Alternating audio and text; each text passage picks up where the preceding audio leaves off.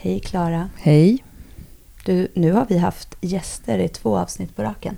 Ja, Det, inte- det kändes verkligen när vi satte oss här nu och ska podda tillsammans att det var länge sedan vi poddade tillsammans. det var länge sedan vi pratade skit menar du? Ja, lite så. Det har varit så seriöst ett tag nu. Vi behöver snacka av oss lite nu tror jag. Ja, men nu är jag på så här dåligt eh, föräldrahumör. Så du får Ja. muntra upp lite i sådana fall tycker jag. Jag kan, jag kan muntra upp lite. Single mom mood. Ja, men man måste få ha så. Vi pratar om det. Alltså barn, de, de har ju inte någon direkt tacksamhetsgrad i sig. Nej, De bara förväntar sig och sen när det inte blir som de vill, då, är de, då tycker de att allt är dåligt. Fast man, och så tycker man så här, kan inte se allting som görs hela tiden istället? exakt. Eller att man typ är ett team lite mer. Att man kanske Ja. tänker så här att man hjälps åt. Att alla hjälps åt med sina grejer. Men eh, ja, nog med det.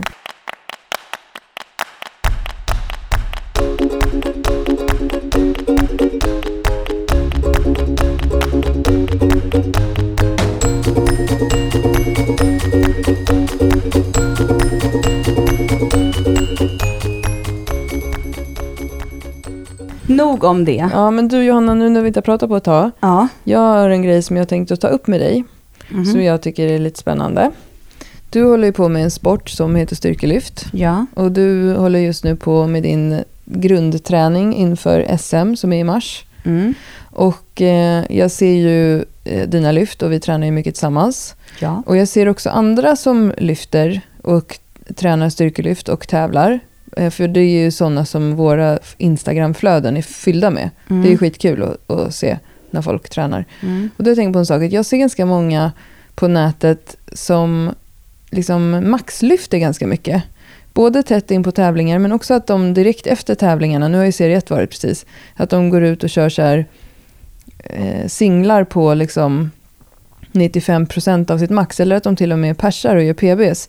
Och jag ser att du hela tiden eh, säger att det är så lätt. Du gör lätta lyft hela tiden. Du gör ju tunga lyft såklart för att du lyfter ju mycket, mycket tyngre än vad jag någonsin kommer att göra när det är lätt för dig. Men alla dina set och reps är lätta.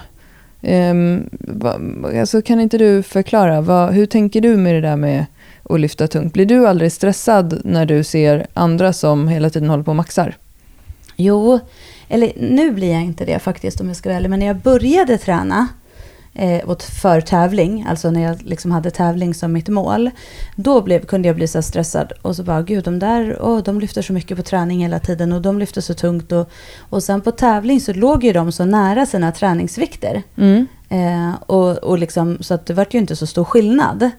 Och, och, men jag hade nog väldigt svårt eh, att liksom vara lugn i det. Att, att jag hade en plan för min, min träning. Eh, men jag, ett så slits jag väldigt mycket när jag ligger för nära mina Mm. maxvikter. Eller det sliter för mycket på, min, på mig och min träning. Eh, men sen tror jag att ibland så får man väl tänka så här att också man ser väldigt mycket, att Instagram kan ju såklart vara väldigt missvisande. Men det är ju många som lyfter eh, väldigt tungt, ofta tycker jag också. Och jag vet ju inte vad de har för plan, men min, och nu har ju jag en coach, vilket är väldigt skönt för att jag reflekterar inte så mycket på det jag gör, utan jag vet att hennes planering är ju hela tiden att jag ska känna hybris. Mm. Och hybris känner jag ju hela tiden i när jag har en trygghet i lyften. Mm. Så jag kan ju ha så här, men nu till, till exempel i veckan här nu, då skulle jag gå upp och göra en etta i bänken på 77,5. Mm. Vilket är ju, eh, vilket var mitt andra lyft på DM. Mm.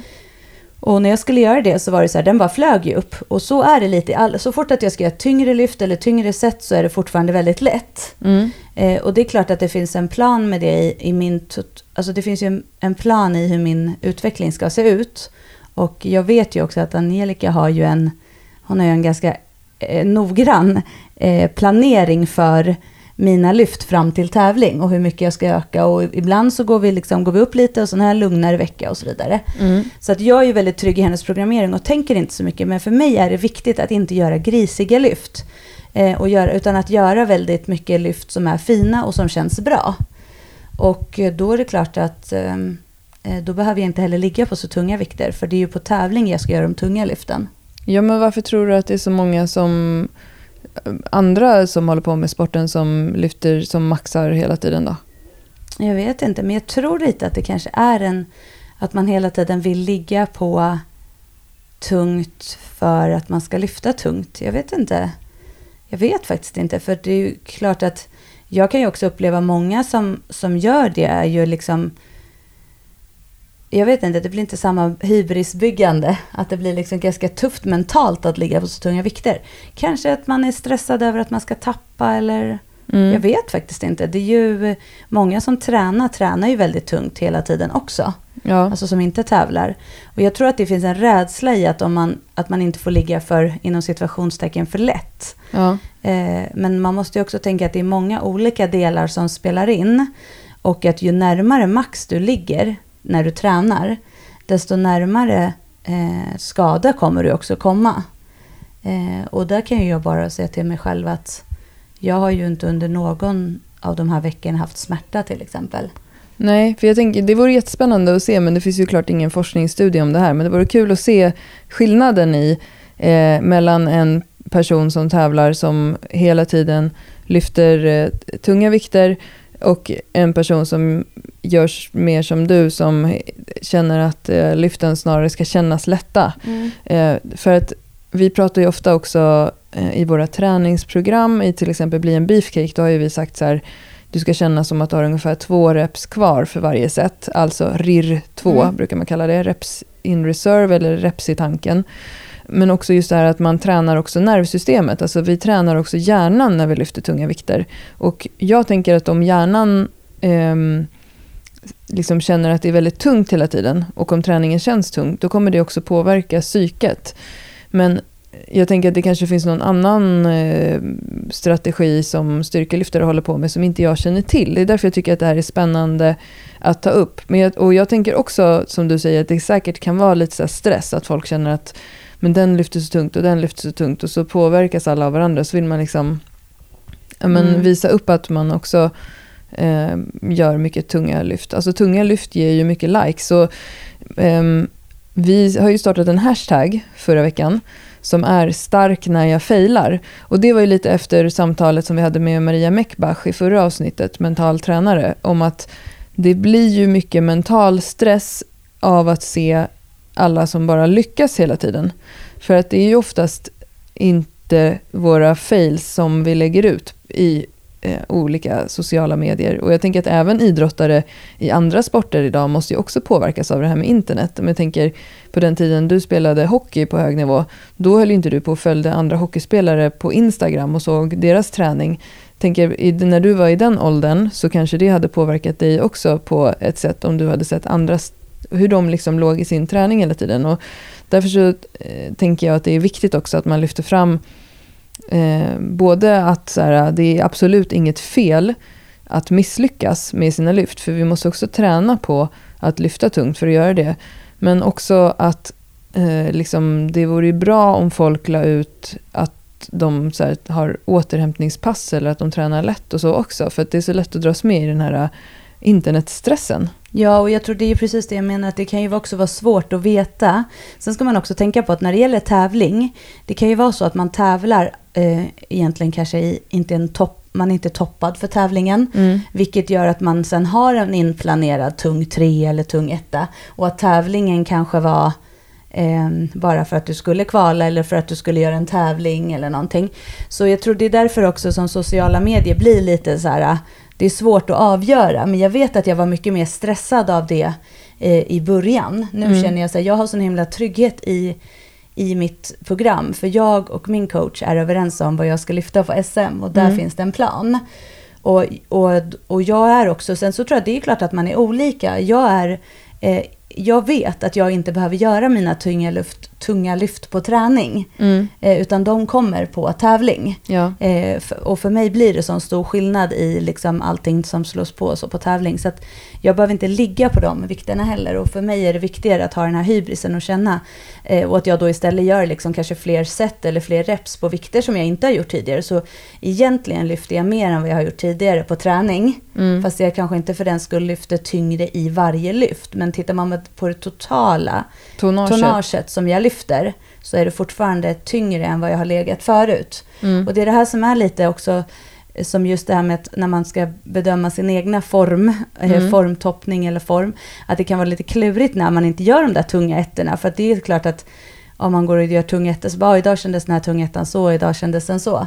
Men det är också väldigt skönt för att det är mentalt tufft att göra det. Mm. Och då kan jag bygga självförtroende i det här istället. Så det är ju ett, ett koncept som också Angelica har sett funka på mig. Det kan Mm. ju vara jätteolika. Det kan ju vara personer som behöver ligga mycket högre också för att känna att, att de kan vara där. Men jag tror att, eh, att, eh, det, att man måste ändå, så jag tänker att man får utgå ifrån att alla har sin process och lita, alltså de får lita på sin process. Mm.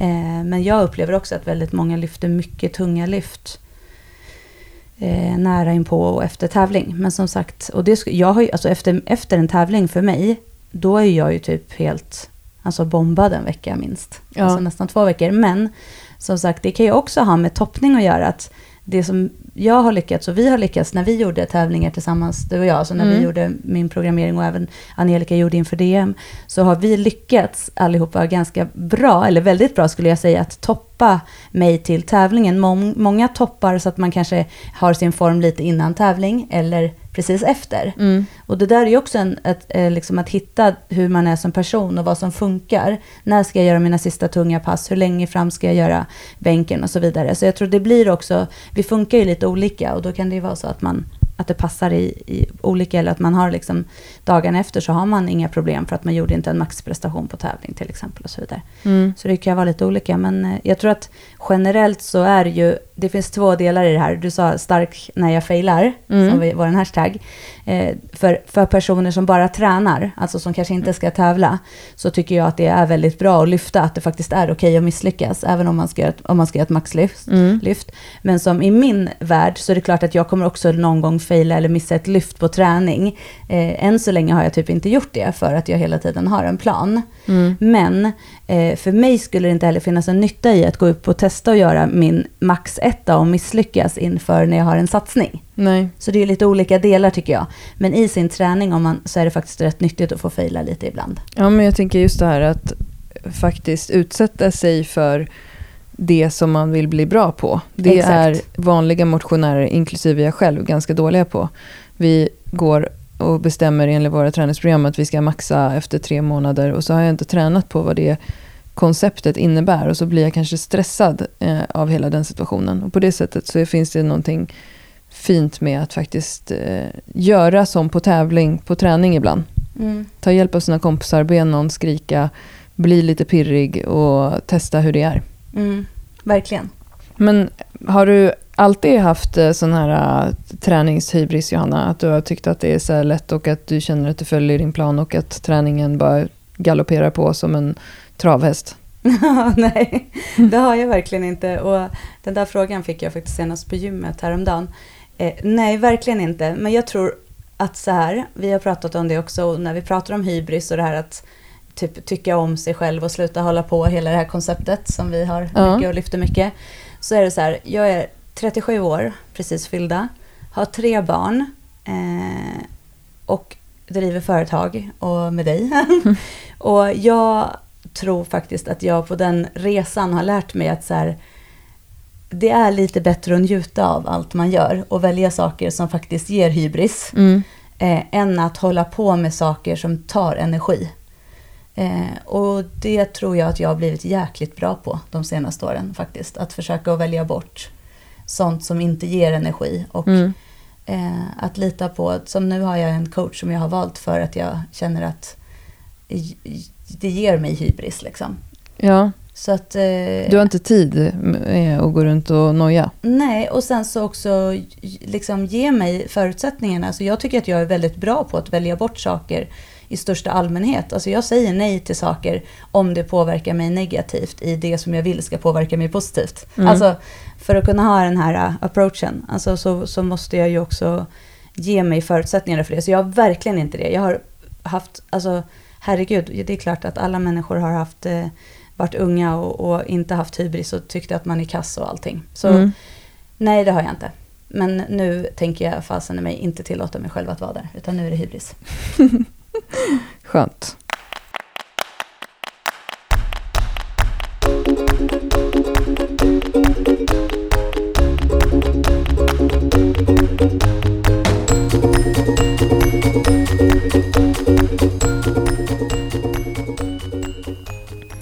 Du Johanna, Mm. den 29 februari Jajamän. då ska vi till eh, Norrköping. Kan inte du berätta vad som händer i Norrköping? Jo, då är det Norrköpings hälsohelg på Stadium Arena. Och det är en mässa. Där ska vi vara tillsammans med The Nap Lab eh, och prata sömn, träning, vi ska visa tyngdtecken. Ja, och alla som vill, som vi träffar eh, i Norrköping, kommer vi också såklart ge en liten rabatt i vår webbshop på våra träningsprogram. För då kan man passa på och snacka med oss på plats och fråga vilket träningsprogram som skulle passa. Ja, Så man kan få lite individuell rådgivning om man kommer förbi. Men framförallt så eh, kommer vi ju snacka om sömn och tecken. Jag tänker att vi kanske kan göra något kul, typ se hur många tyngdtecken kan du knäböja Johanna eller någonting. ja, vad roligt. Men framförallt bara om ni är i trakten på mässan eller i, om, i omnejd, tänkte jag säga. Mm. Kom och snacka lite och säg hej, det tycker vi är superkul. Ja, så i The Nap Labs monter på Norrköpings hälsohelg Stadium Arena mellan 10 till 17 den 29 februari. Det är en lördag. Och om du vill prova tyngdtäcke som vi nu har blivit varma ambassadörer för och förespråkare av. Jag är typ beroende av mina tyngdtäcken. Jag tycker att det var jättejobbigt att sova på hotell utan tyngdtäcke nu sist. Känns det som att jag ligger och svävar i sängen utan tyngdtäcke. Jag vill liksom bli nertryckt av Mm. någonting när jag sover nu för tiden. Och om du också är sugen på att testa tyngdtäcke så gäller koden HÄLSOHELG. Eh, och den ger 15% rabatt på alla tyngdtecken hos thenaplab.se. Och det är redan 25% eh, rabatt i deras shop. Så du får 25 plus 15. Eh, grym deal gäller fram till den 7 mars. Koden är alltså hälsohelg.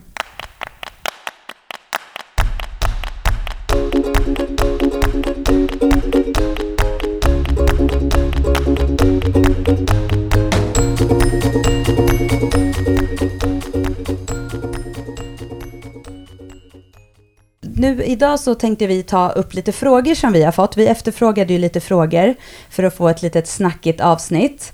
Eh, och eh, det har ju dykt upp en hel del som vi tänkte prata om och svara på.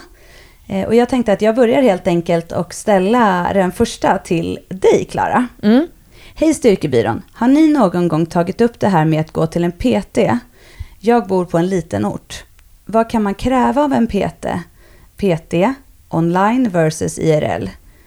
Eh, behöver man en PT? Alternativet till en PT, gruppträningar.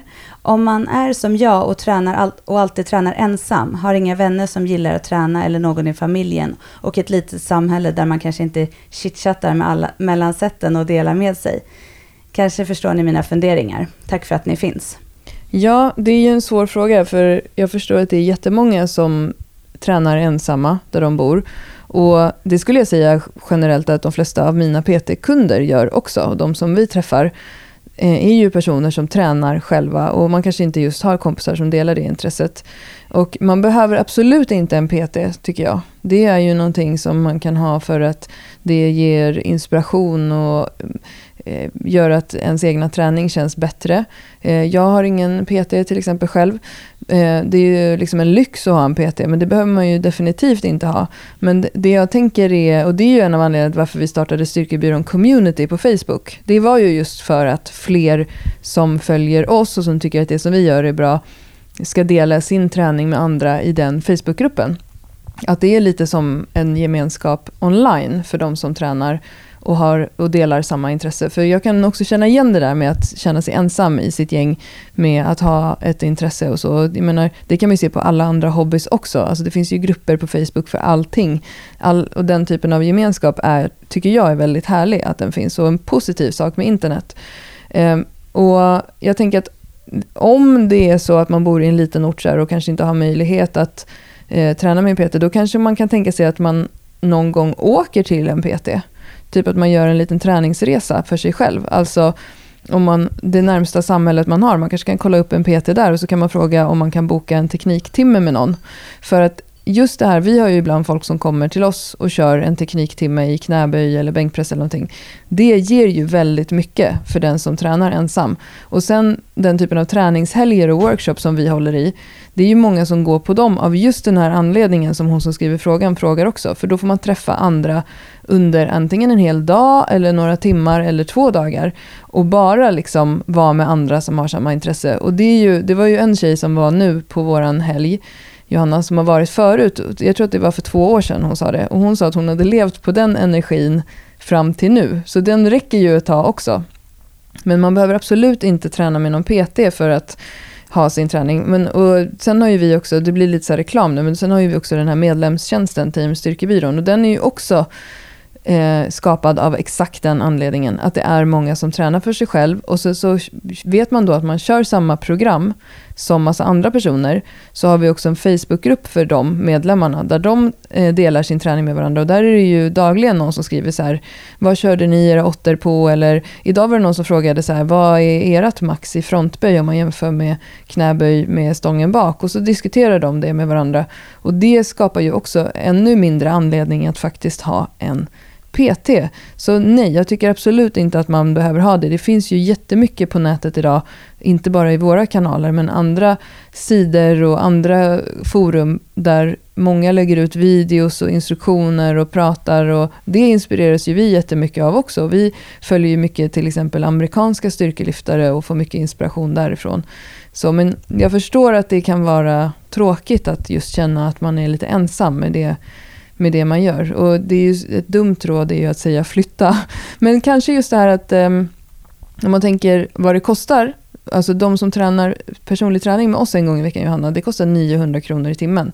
Det är ganska mycket pengar att lägga på en månad. Men om man då tänker att så här, ja, men, inte vet jag var den här personen bor. Vi hittar på nu att den bor i Jämtland. Om man tänker att så här, ja, men, jag åker till Östersund nästa månad och bokar in eh, två stycken tekniktimmar med den här PTn som jag eh, tycker verkar duktig. Och sen så åker jag och gör det som en dagsresa. Det tror jag kan ge jättemycket inspiration till träningen framåt. Hur tänker du?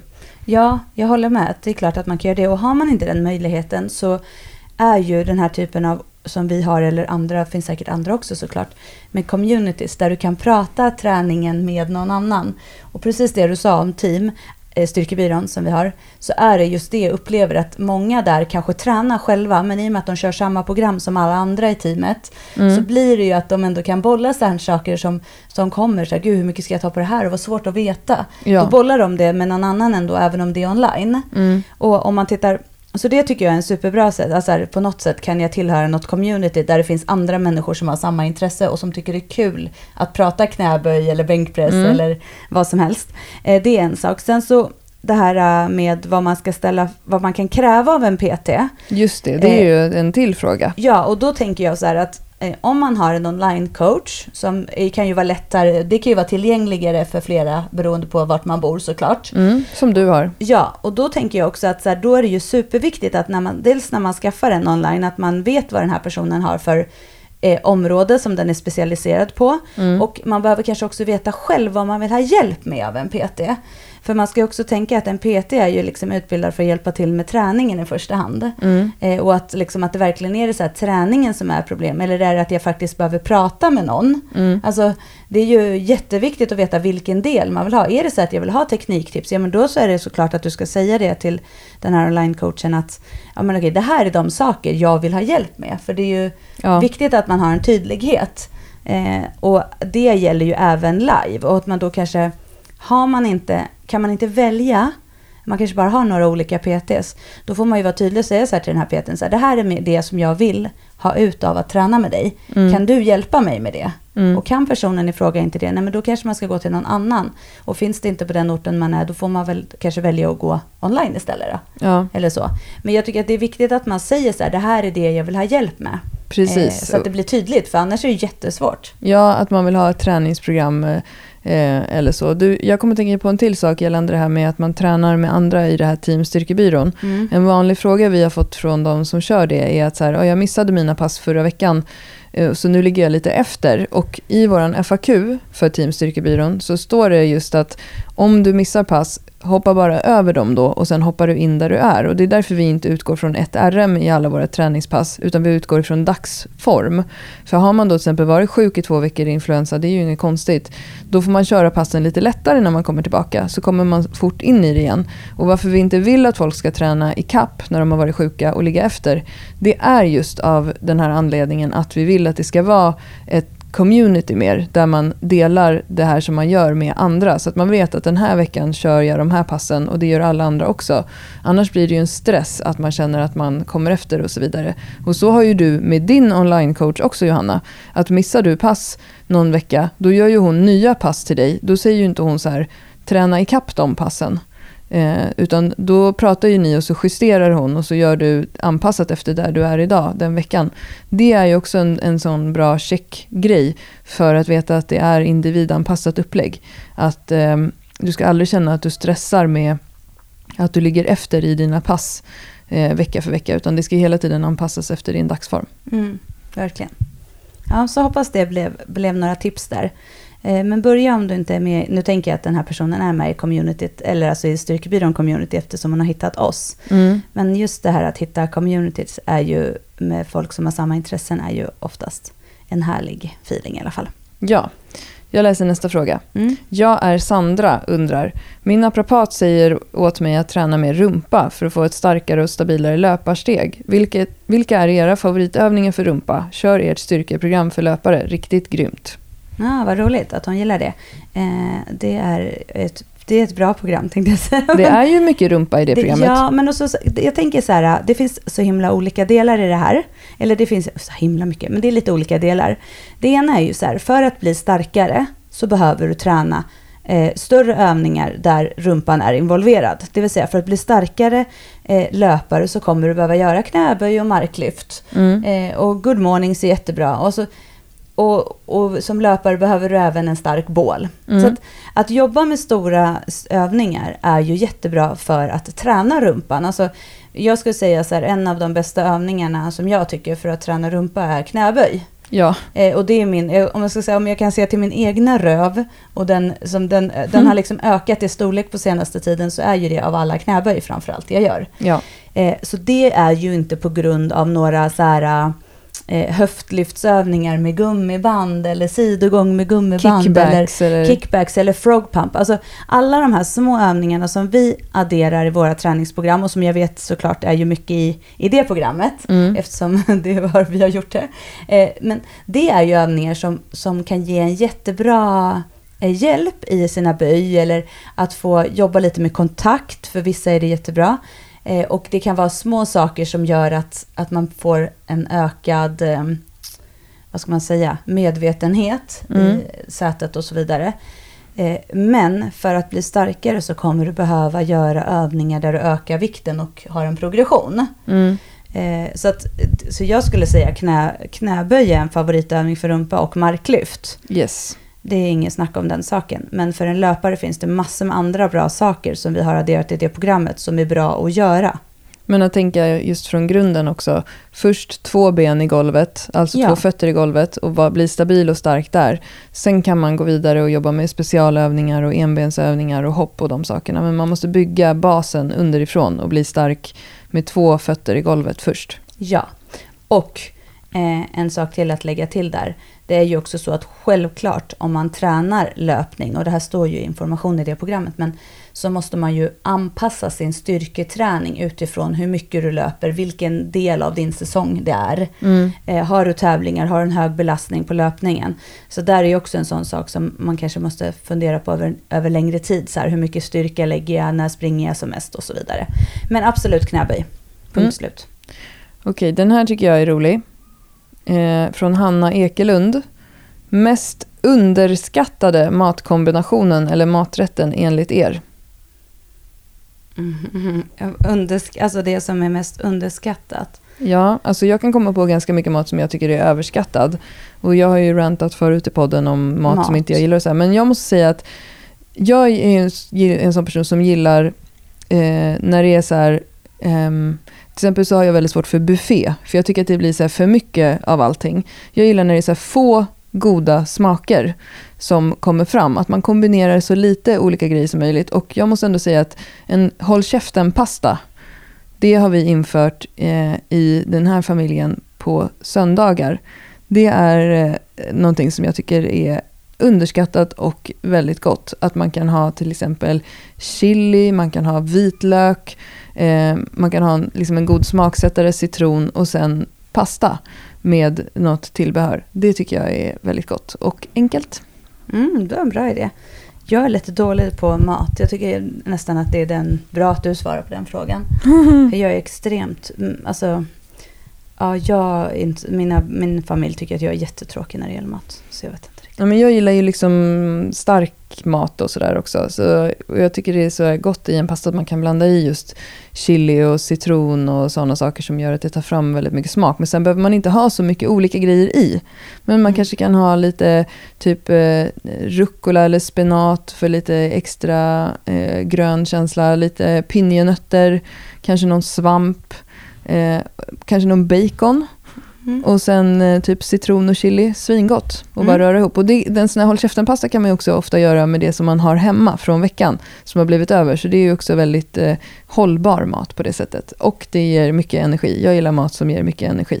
Mm, men en håll käften-pasta tycker jag var skitbra. Jag kom faktiskt på en sak som är, mm. det här, håll i nu. Det här är en så himla bra grej. ja.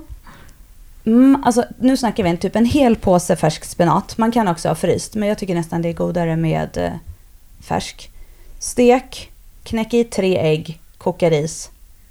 Lägg eh, äggröran på riset. Klart. Men ingen liksom krydda eller så? Jo, men salt, vitpeppar, lite chili eller något. Riv på lite parmesan. Mm, parmesan måste vi parmesan lägga till också. Det ja. måste vara i alla håll käften pasta det, också. Det där är min håll käften mat som jag lagar hemma när man så här, är hemma och jobbar eller liksom ska ha något snabbt och så här, då kokar jag något typ av ris eller bulgur eller couscous, alltså något så här, mm. som, ger, som är ändå mycket energi i.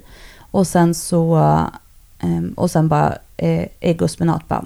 Det har jag aldrig provat, det måste jag prova. Men det är jättegott och så bara lägger man på det där.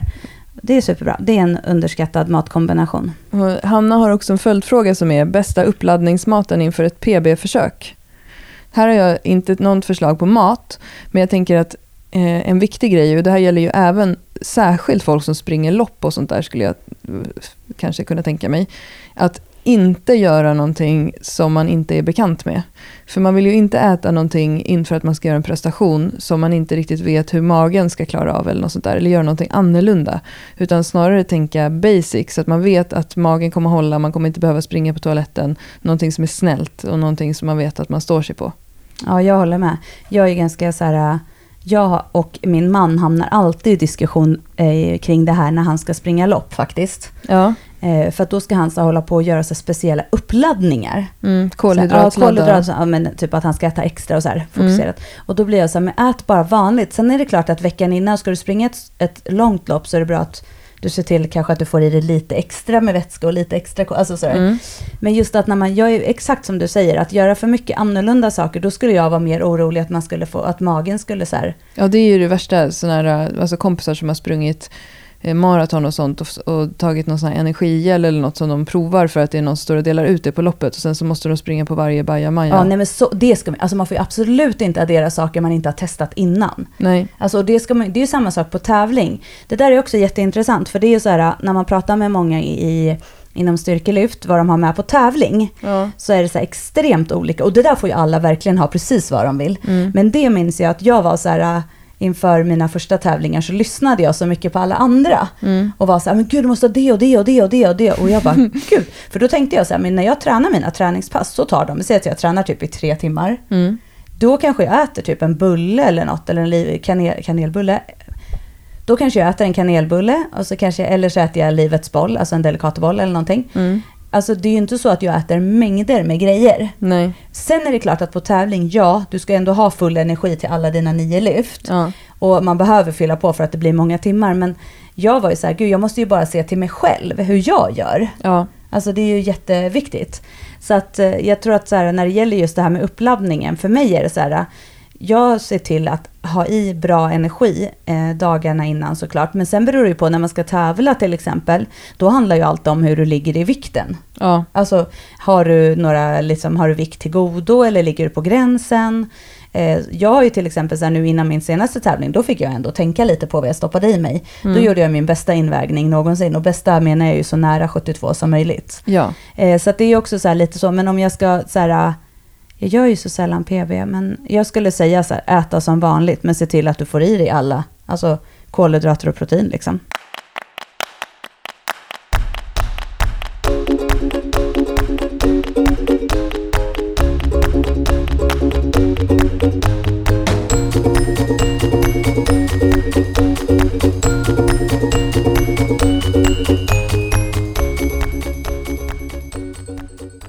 Jag tycker så illa om frontböj. Kör blir en, beef, kör blir en beefcake. Mm. Säg igen varför de är bra att göra så kanske jag står ut. eh, och, um, alltså frontböj är ju så här, för det första så är det ju så här med allting. Det, vi får jätteofta den frågan eh, när vi har workshops också. Vi brukar oftast börja med frontböj eh, när vi gör knäböj. Eh, och då får vi frågan så här, måste man göra det? Och då säger jag så här, ett, nej, det finns inget man måste göra. Eh, så att om man inte vill göra det kan man göra böj bak eller man kan ha kettlebells att jobba med istället för stången. För jag tror att det är, stång, det är frontböj, då är det skivstång som den här personen tänker, det är helt säker på. Mm. Eh, däremot så kan det vara bra för väldigt många att göra frontböj för att de får en bättre rörelse i sina böj. Mm. Eh, och det blir lite skillnad i hur du jobbar. Eller så här, vi upplever att många eh, har fått bättre eh, buktryck och kan jobba bättre med bålen, till exempel i frontböj. För det blir också så att om du inte håller upp eller håller i bålen och buktrycket så kommer stången att trilla framåt, alltså du kommer tappa stången. Mm. Eh, vilket gör att man får en liten annan rörelse. Så varför vi lägger in det i programmen är just för variationen, för att det blir lite mer bål, det sätter lite andra krav på rörelsen. Så det blir som i kombination med bakböj så ser vi att helheten kommer bli bättre och det kommer bli Ja. starkare. Så att det blir som att jobba lite med en annan, annan typ av eh, belastning och tyngdpunkt. Ja, och lite också för att man kanske inte ska bli så sliten av sina vanliga bakböj. För att det är ändå knäböj då två gånger i veckan. Om man kör bli en beefcake tre split, det vet jag inte om den här personen gör. Men eh, att man inte kanske blir lika sliten av det heller. Men det är Hanna, 79 Lindgren, som har skrivit frågan. Och jag tänker också att ett annat svar på frågan är nej, du behöver inte göra Nej. frontböj. Om du känner att du hatar frontböj eh, och du känner att du inte blir sliten av att göra vanliga knäböj två gånger i veckan, gör det då. Jag håller helt med. Eh, så det, det är, men vill man bli bra på det så är det enda sättet att göra dem. Så så är det också. Så det kan ja, man. och det kan ju vara att välja. man kanske behöver justera lite tekniken i greppet till exempel. Många håller stången alldeles för hårt med hela handen. Man kan testa att släppa lite där och sådär. Eh, och testa lite olika grepp. Så kan Mm. man se om det känns bättre. Men sen är det skitjobbigt med frontböj, så det är det som är grejen också. eh, nästa fråga då. Ja. Svå, eh, det är Lyxell som Mm. ställer den. Svårt att hitta kontakt med rumpa och baksida lår när jag kör knäböj med mera. Vad ska jag tänka på? Vilka övningar ska jag göra? ja, och då tänker jag en motfråga. Hur vet du att du inte har kontakt med rumpa och baksida lår när du gör knäböj? Eh, det är ju så att, och det här finns det ju både studier som visar eh, att det inte spelar någon roll och sen finns det studier som visar att det kan spela roll det här med kontakt. Men jag tänker så här att i, när man har gjort EMG-aktiveringsstudier, alltså man har satt nålar på muskler och sett vilka som aktiveras i en övning, så ser man ju att en knäböj är eh, primärt framsida lår som jobbar, största muskelgruppen som jobbar. Så det är inget konstigt om det är så. Det ska vara så. Det är inget fel. Och sen, du kommer inte komma upp om du inte kan koppla på dina ben, din rumpa och dina baksida lår. Du kommer använda benen i en knäböj. Så jag tror inte man behöver oroa sig över det. Du kommer använda dem. Det är en känd sån studie gjordes ju på hip thrust när man satte EMG-aktivering på den och kunde se att även om personerna inte kände av rumpan utan de kände mycket framsida lår så aktiverade de sätet jättemycket i toppläget av en hip thrust. Och det här med kontakt som sagt, det är lite omdiskuterat men det är helt klart så att du använder dem. Sen kan du träna specifika övningar, som vi pratade lite innan där, om rumpan till löpning. Att om du vill känna att det bränner i rumpan, då kan du välja att göra andra övningar efter dina knäböj. Eh, till exempel frog pump eller eh, höftlyft med rövband runt knäna och sådana saker. Om du vill verkligen känna att skinkorna brinner. Eh, men du behöver inte oroa dig för att du inte använder dem i dina knäböj. Och känner du mycket i framsida lår i dina knäböj så är jag avundsjuk på dig. För jag vill ha stora quads och det är den primära muskelgruppen som ska jobba i en knäböj. Mm. Så ingen fara på torpet om man inte känner, man kommer ändå jobba. Alltså jag går inte runt och känner i min rumpa hela tiden. Alltså, så här, Nej. alltså det är ju det är så det är för många. Så Jag får är, väldigt sällan träningsverk i benen överhuvudtaget. Och får jag det så blir jag glad. Och det har ju ingenting med, det har vi pratat många gånger om i den här podden, att träningsverk är inget kvitto för att du har gjort ett bra träningspass. Nej, så uh, gör lite aktiveringsövningar om du tycker att det är skönt att det brinner lite. Mm. Eh, men fortsätt och eh, böja och marka och så vidare. För även om du inte känner så kommer du träna baksidan. Japp. Fotograftanten. Hur ska man träna efter att ha varit sjuk, det vill säga komma igång igen? Det har ni pratat om. Men hur håller man hoppet uppe och humöret under tiden snoret flyger, bihålorna igenkliggade, febern vrålattackerar? När man nyss dessutom hade en jävligt bra, ett jävligt bra flyt i gymmet. Med vänlig hälsning, sjuk, vabbig, gnällig. Ja, men alltså jag fattar. Alltså det där är, så där är det ju för alla när man är sjuk eller man har dåliga perioder. Eh, och grejen är att det, det är ju så här, när man har varit sjuk och ska börja träna igen. Så eh, några tips som vi har haft förut och som jag tycker är väldigt bra. Det är att ha så här, eh, några stycken, kanske tre stycken. Jag brukar säga att det är ungefär tre pass tar det innan man börjar känna Mm. någorlunda så här, tillbaka i något typ av game igen. Det beror ju såklart på också hur mycket man tränar. Eh, men att, att ha typ några pass som du gör, ett kan räcka, som du gör tre gånger, som är så här, lite favoritpass. Mm. Så här, jag gillar att göra typ fyror i knäböj, eller jag gillar att göra marklyft, eller jag gillar skivstångsrodd, eller jag gillar biceps curl. Alltså ett gäng övningar som du gillar att göra, som är lite dina go-to-övningar. Mm. De gör du när du kommer tillbaka och då sätter du ihop ett pass med det. Och så kan du köra dem typ tre gånger. Ja, Och sen så kan du börja köra igen om du kör med något program eller att du ska liksom rulla några övningar eller hur du gör. Det, det är ju såklart olika. Men att inte, det som jag absolut inte tycker man ska göra det är att liksom hoppa in i programmet på samma vikter som man var och bli besviken på att det är för tungt. nej. Följer du ett program, då kan du fortfarande hoppa in där du var Mm. när, du, eh, när du blev sjuk, men har gjort de här passen förut och sänkt kraven på vikterna. Mm. För de kommer komma tillbaka. Du kommer inte att tappa din muskulatur och bli svagare, utan det är mer att du behöver komma igång igen. Mm. Eh, så att där tycker jag verkligen så här, ta den tiden, eh, gör dina tre eh, hybrispass och sen kan du rulla på som vanligt igen.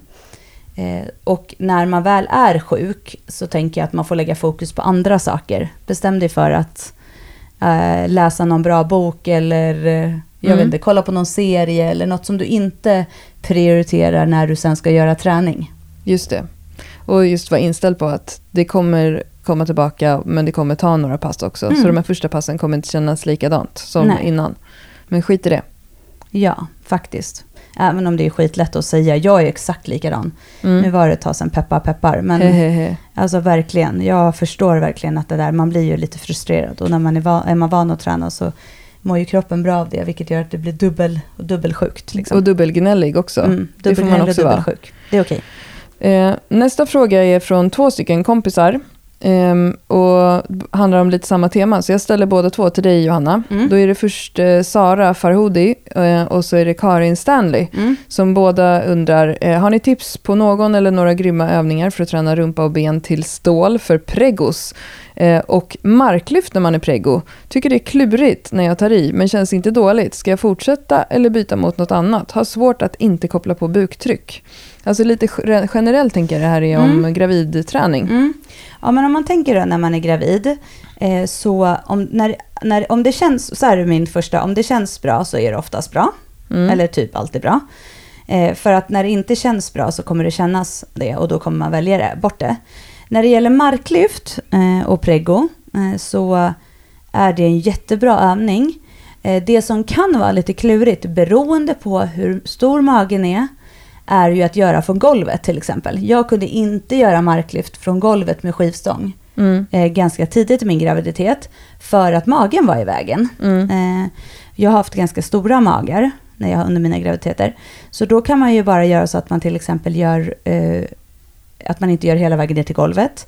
Eller att man gör med kettlebells. Mm. När det gäller att slå på buktryck så är det, skulle jag säga att det inte är ett problem att ha ett buktryck under graviditeten. Nej. Eh, så länge det känns bra. Eh, för det står ju att jag har svårt att inte koppla på buktryck. Mm. Eh, däremot så är det ju så att när du är gravid så kommer du känna att ska du koppla på för mycket buktryck så kanske det inte känns bra. Alltså Mm. för att du kanske behöver try- att du trycker neråt och att du känner i bäckenbotten att det inte känns bra. Så eller- du känner dig lite kissnödig. Ja, att du känner dig lite kissnödig. Men då tycker jag att man lyfter lite för tungt eller slår på för mycket buktryck. Mm. Men då känner man oftast det. Det är ingen fara att göra ett buktryck. För Nej. lite buktryck kommer du göra. Jag menar, om du hostar under graviditeten kommer du göra ett buktryck. Så att buktrycket i sig är ingenting som är något farligt. Nej. Däremot så är det ju så att när du tränar så vill du ha ett, kanske ett mer lagom buktryck för att känna att det känns bra. Mm. Så jag skulle säga knäböj, marklyft, superbra övningar, mycket baksida. Eh, jag tyckte det var skönt när jag var gravid att göra mycket gummibandsövningar som uppvärmning. Mm. Eh, just för att få jobba lite extra med att känna. Alltså jag tyckte det var skönt. Eh, även om du, det som du sa precis innan det här med att det behöver inte kännas. Alltså Mm. det, det är lite olika där. Men att fokusera på att jobba mycket med övningar där du använder eh, baksidan. För att baksidan blir väldigt, eh, vad ska man säga, eftersatt. Ja, för att man går och bär på framsidan hela tiden. Och Sen, ja, sån här klassisk eh, rodd i kabelmaskin är ju superskön när ja man är mycket gravid. baksida. Att man känner att man får göra dragövningar och ta i med baksidan. Men eh, fram till vecka 20 så är ju de generella rekommendationerna att du kan träna precis som vanligt. Mm. Kroppen kommer säga till dig vad som känns bra och inte. Och de flesta mår ju illa i början och sådär. Då kan man ändå inte kanske träna som man brukar. Och sen efter det så kanske man behöver anpassa lite. Och det gäller ju leder och sådana saker som blir lite instabila. Men eh, de vanliga övningarna som man gör när man är ogravid, alltså som du sa, knäböj och marklyft, det är ju superbra även för en gravid. Ja, och tycker man det är klurigt med stången eller det känns kon- konstigt med tyngdpunkten, då kan man ju bara ta till exempel kettlebells fram eller man kan ha lättare vikt på stången så att man får anpassa utifrån där man är just då. Och jag eh, tycker ju inte, och det är, liksom, det är ju valfritt, men jag tycker ju att när man är gravid så tycker jag att man kan fokusera på att göra träning som gör att man mår bra och att det känns eh, tryggt för en själv. Ja. För det är ändå det som kommer vara avgörande. Och vill man då köra med lättare vikter så gör man ju det. Ja. Eh, men att det kanske är viktigare att kunna känna att man kan träna graviditeten ut än att man liksom väljer att inte göra det för att man är rädd. Mm. Och då är det bättre att sänka vikterna lite och, och ändra redskap. Använd hantlar, använd kettlebells. Ehm, så att eh, använd mycket TRX och ringar så kan du jobba hela graviditeten ut. Och lite buktryck är absolut inte farligt att ha.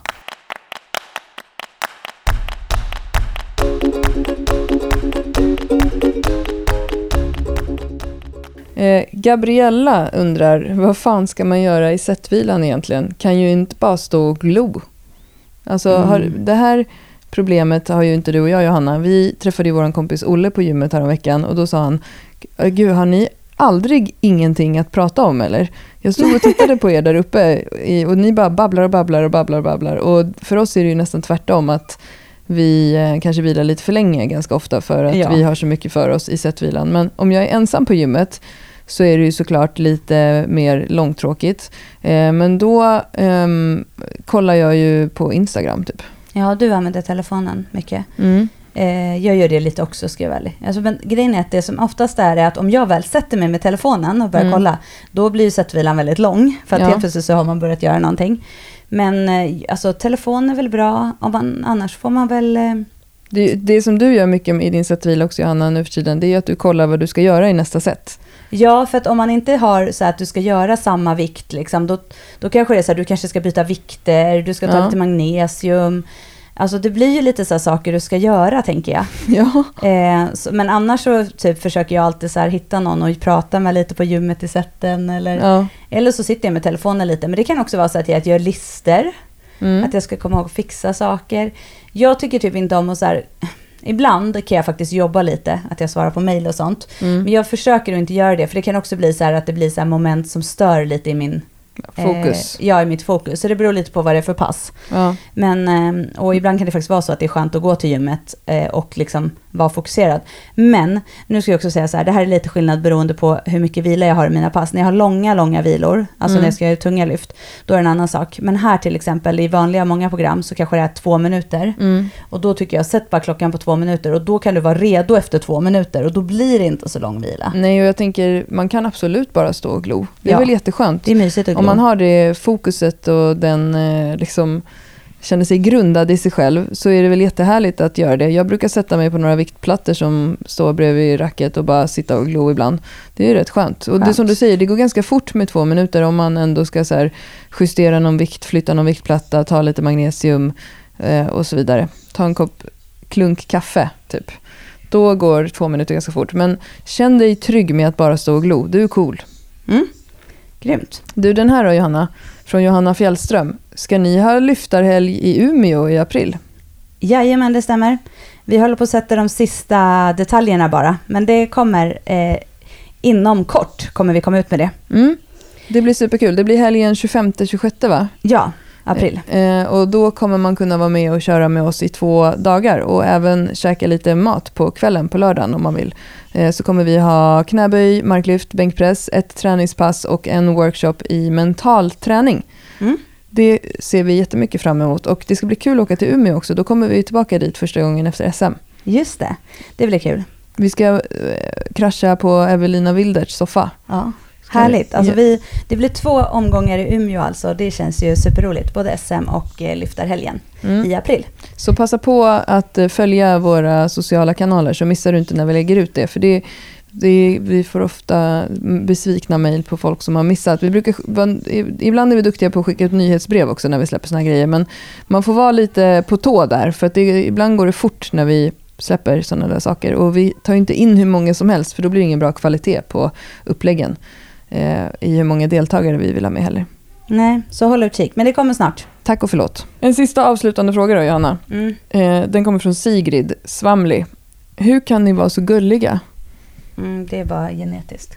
Ja, eller så är det bara fake, tänkte jag. Jag känner mig inte så gullig den här veckan. Du sa ju till mig innan det här avsnittet, du bara, kan vi bara spela in någonting, något, något ärligt någon gång? För du är arg hela tiden. du sa inte. Ja. Nej, jag vet inte. Vi, ja, vi, vi är väldigt, vi försöker ju vara väldigt mycket oss själva. Jag vet inte, vi försöker inte så här, jag vet inte. Vi är bara gulliga. Ja, alltså vi är gulliga medelålders kvinnor i våra bästa år som Har hybris. eh, har hybris och eh, inte orkar hålla på längre. Och Mm. eh, eh, skrattar mycket. Jag tror Ja. att vi, vi lever mycket med skratt hela Det är tiden. bra, skratt. Och då blir man ganska gullig. Men, Mycket skratt det blir, gör att man blir gullig. Det tyckte jag var ett bra svar. Det är nog faktiskt det. ja, Det stämmer. Eh, Så att jag tar med också, jag, jag ville bara läsa upp den här också för att jag kände att jag själv behövde lite beröm. För att jag just för tillfället kände mig lite trött och eh, så här, lite sur som förälder och sådär. Så det känns bra att någon tycker att jag är gullig.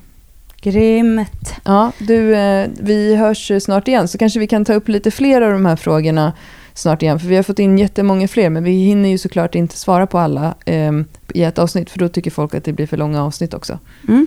Så vi kanske så återkommer till det här. Vi kanske kan dra dem i en eh, live på Instagram eller någonting. Ja, live är kul. Ja, Det är trevligt. ja det kör vi. Ja, Vi hörs snart då. det gör vi. Ha det bra. Hej. Hej.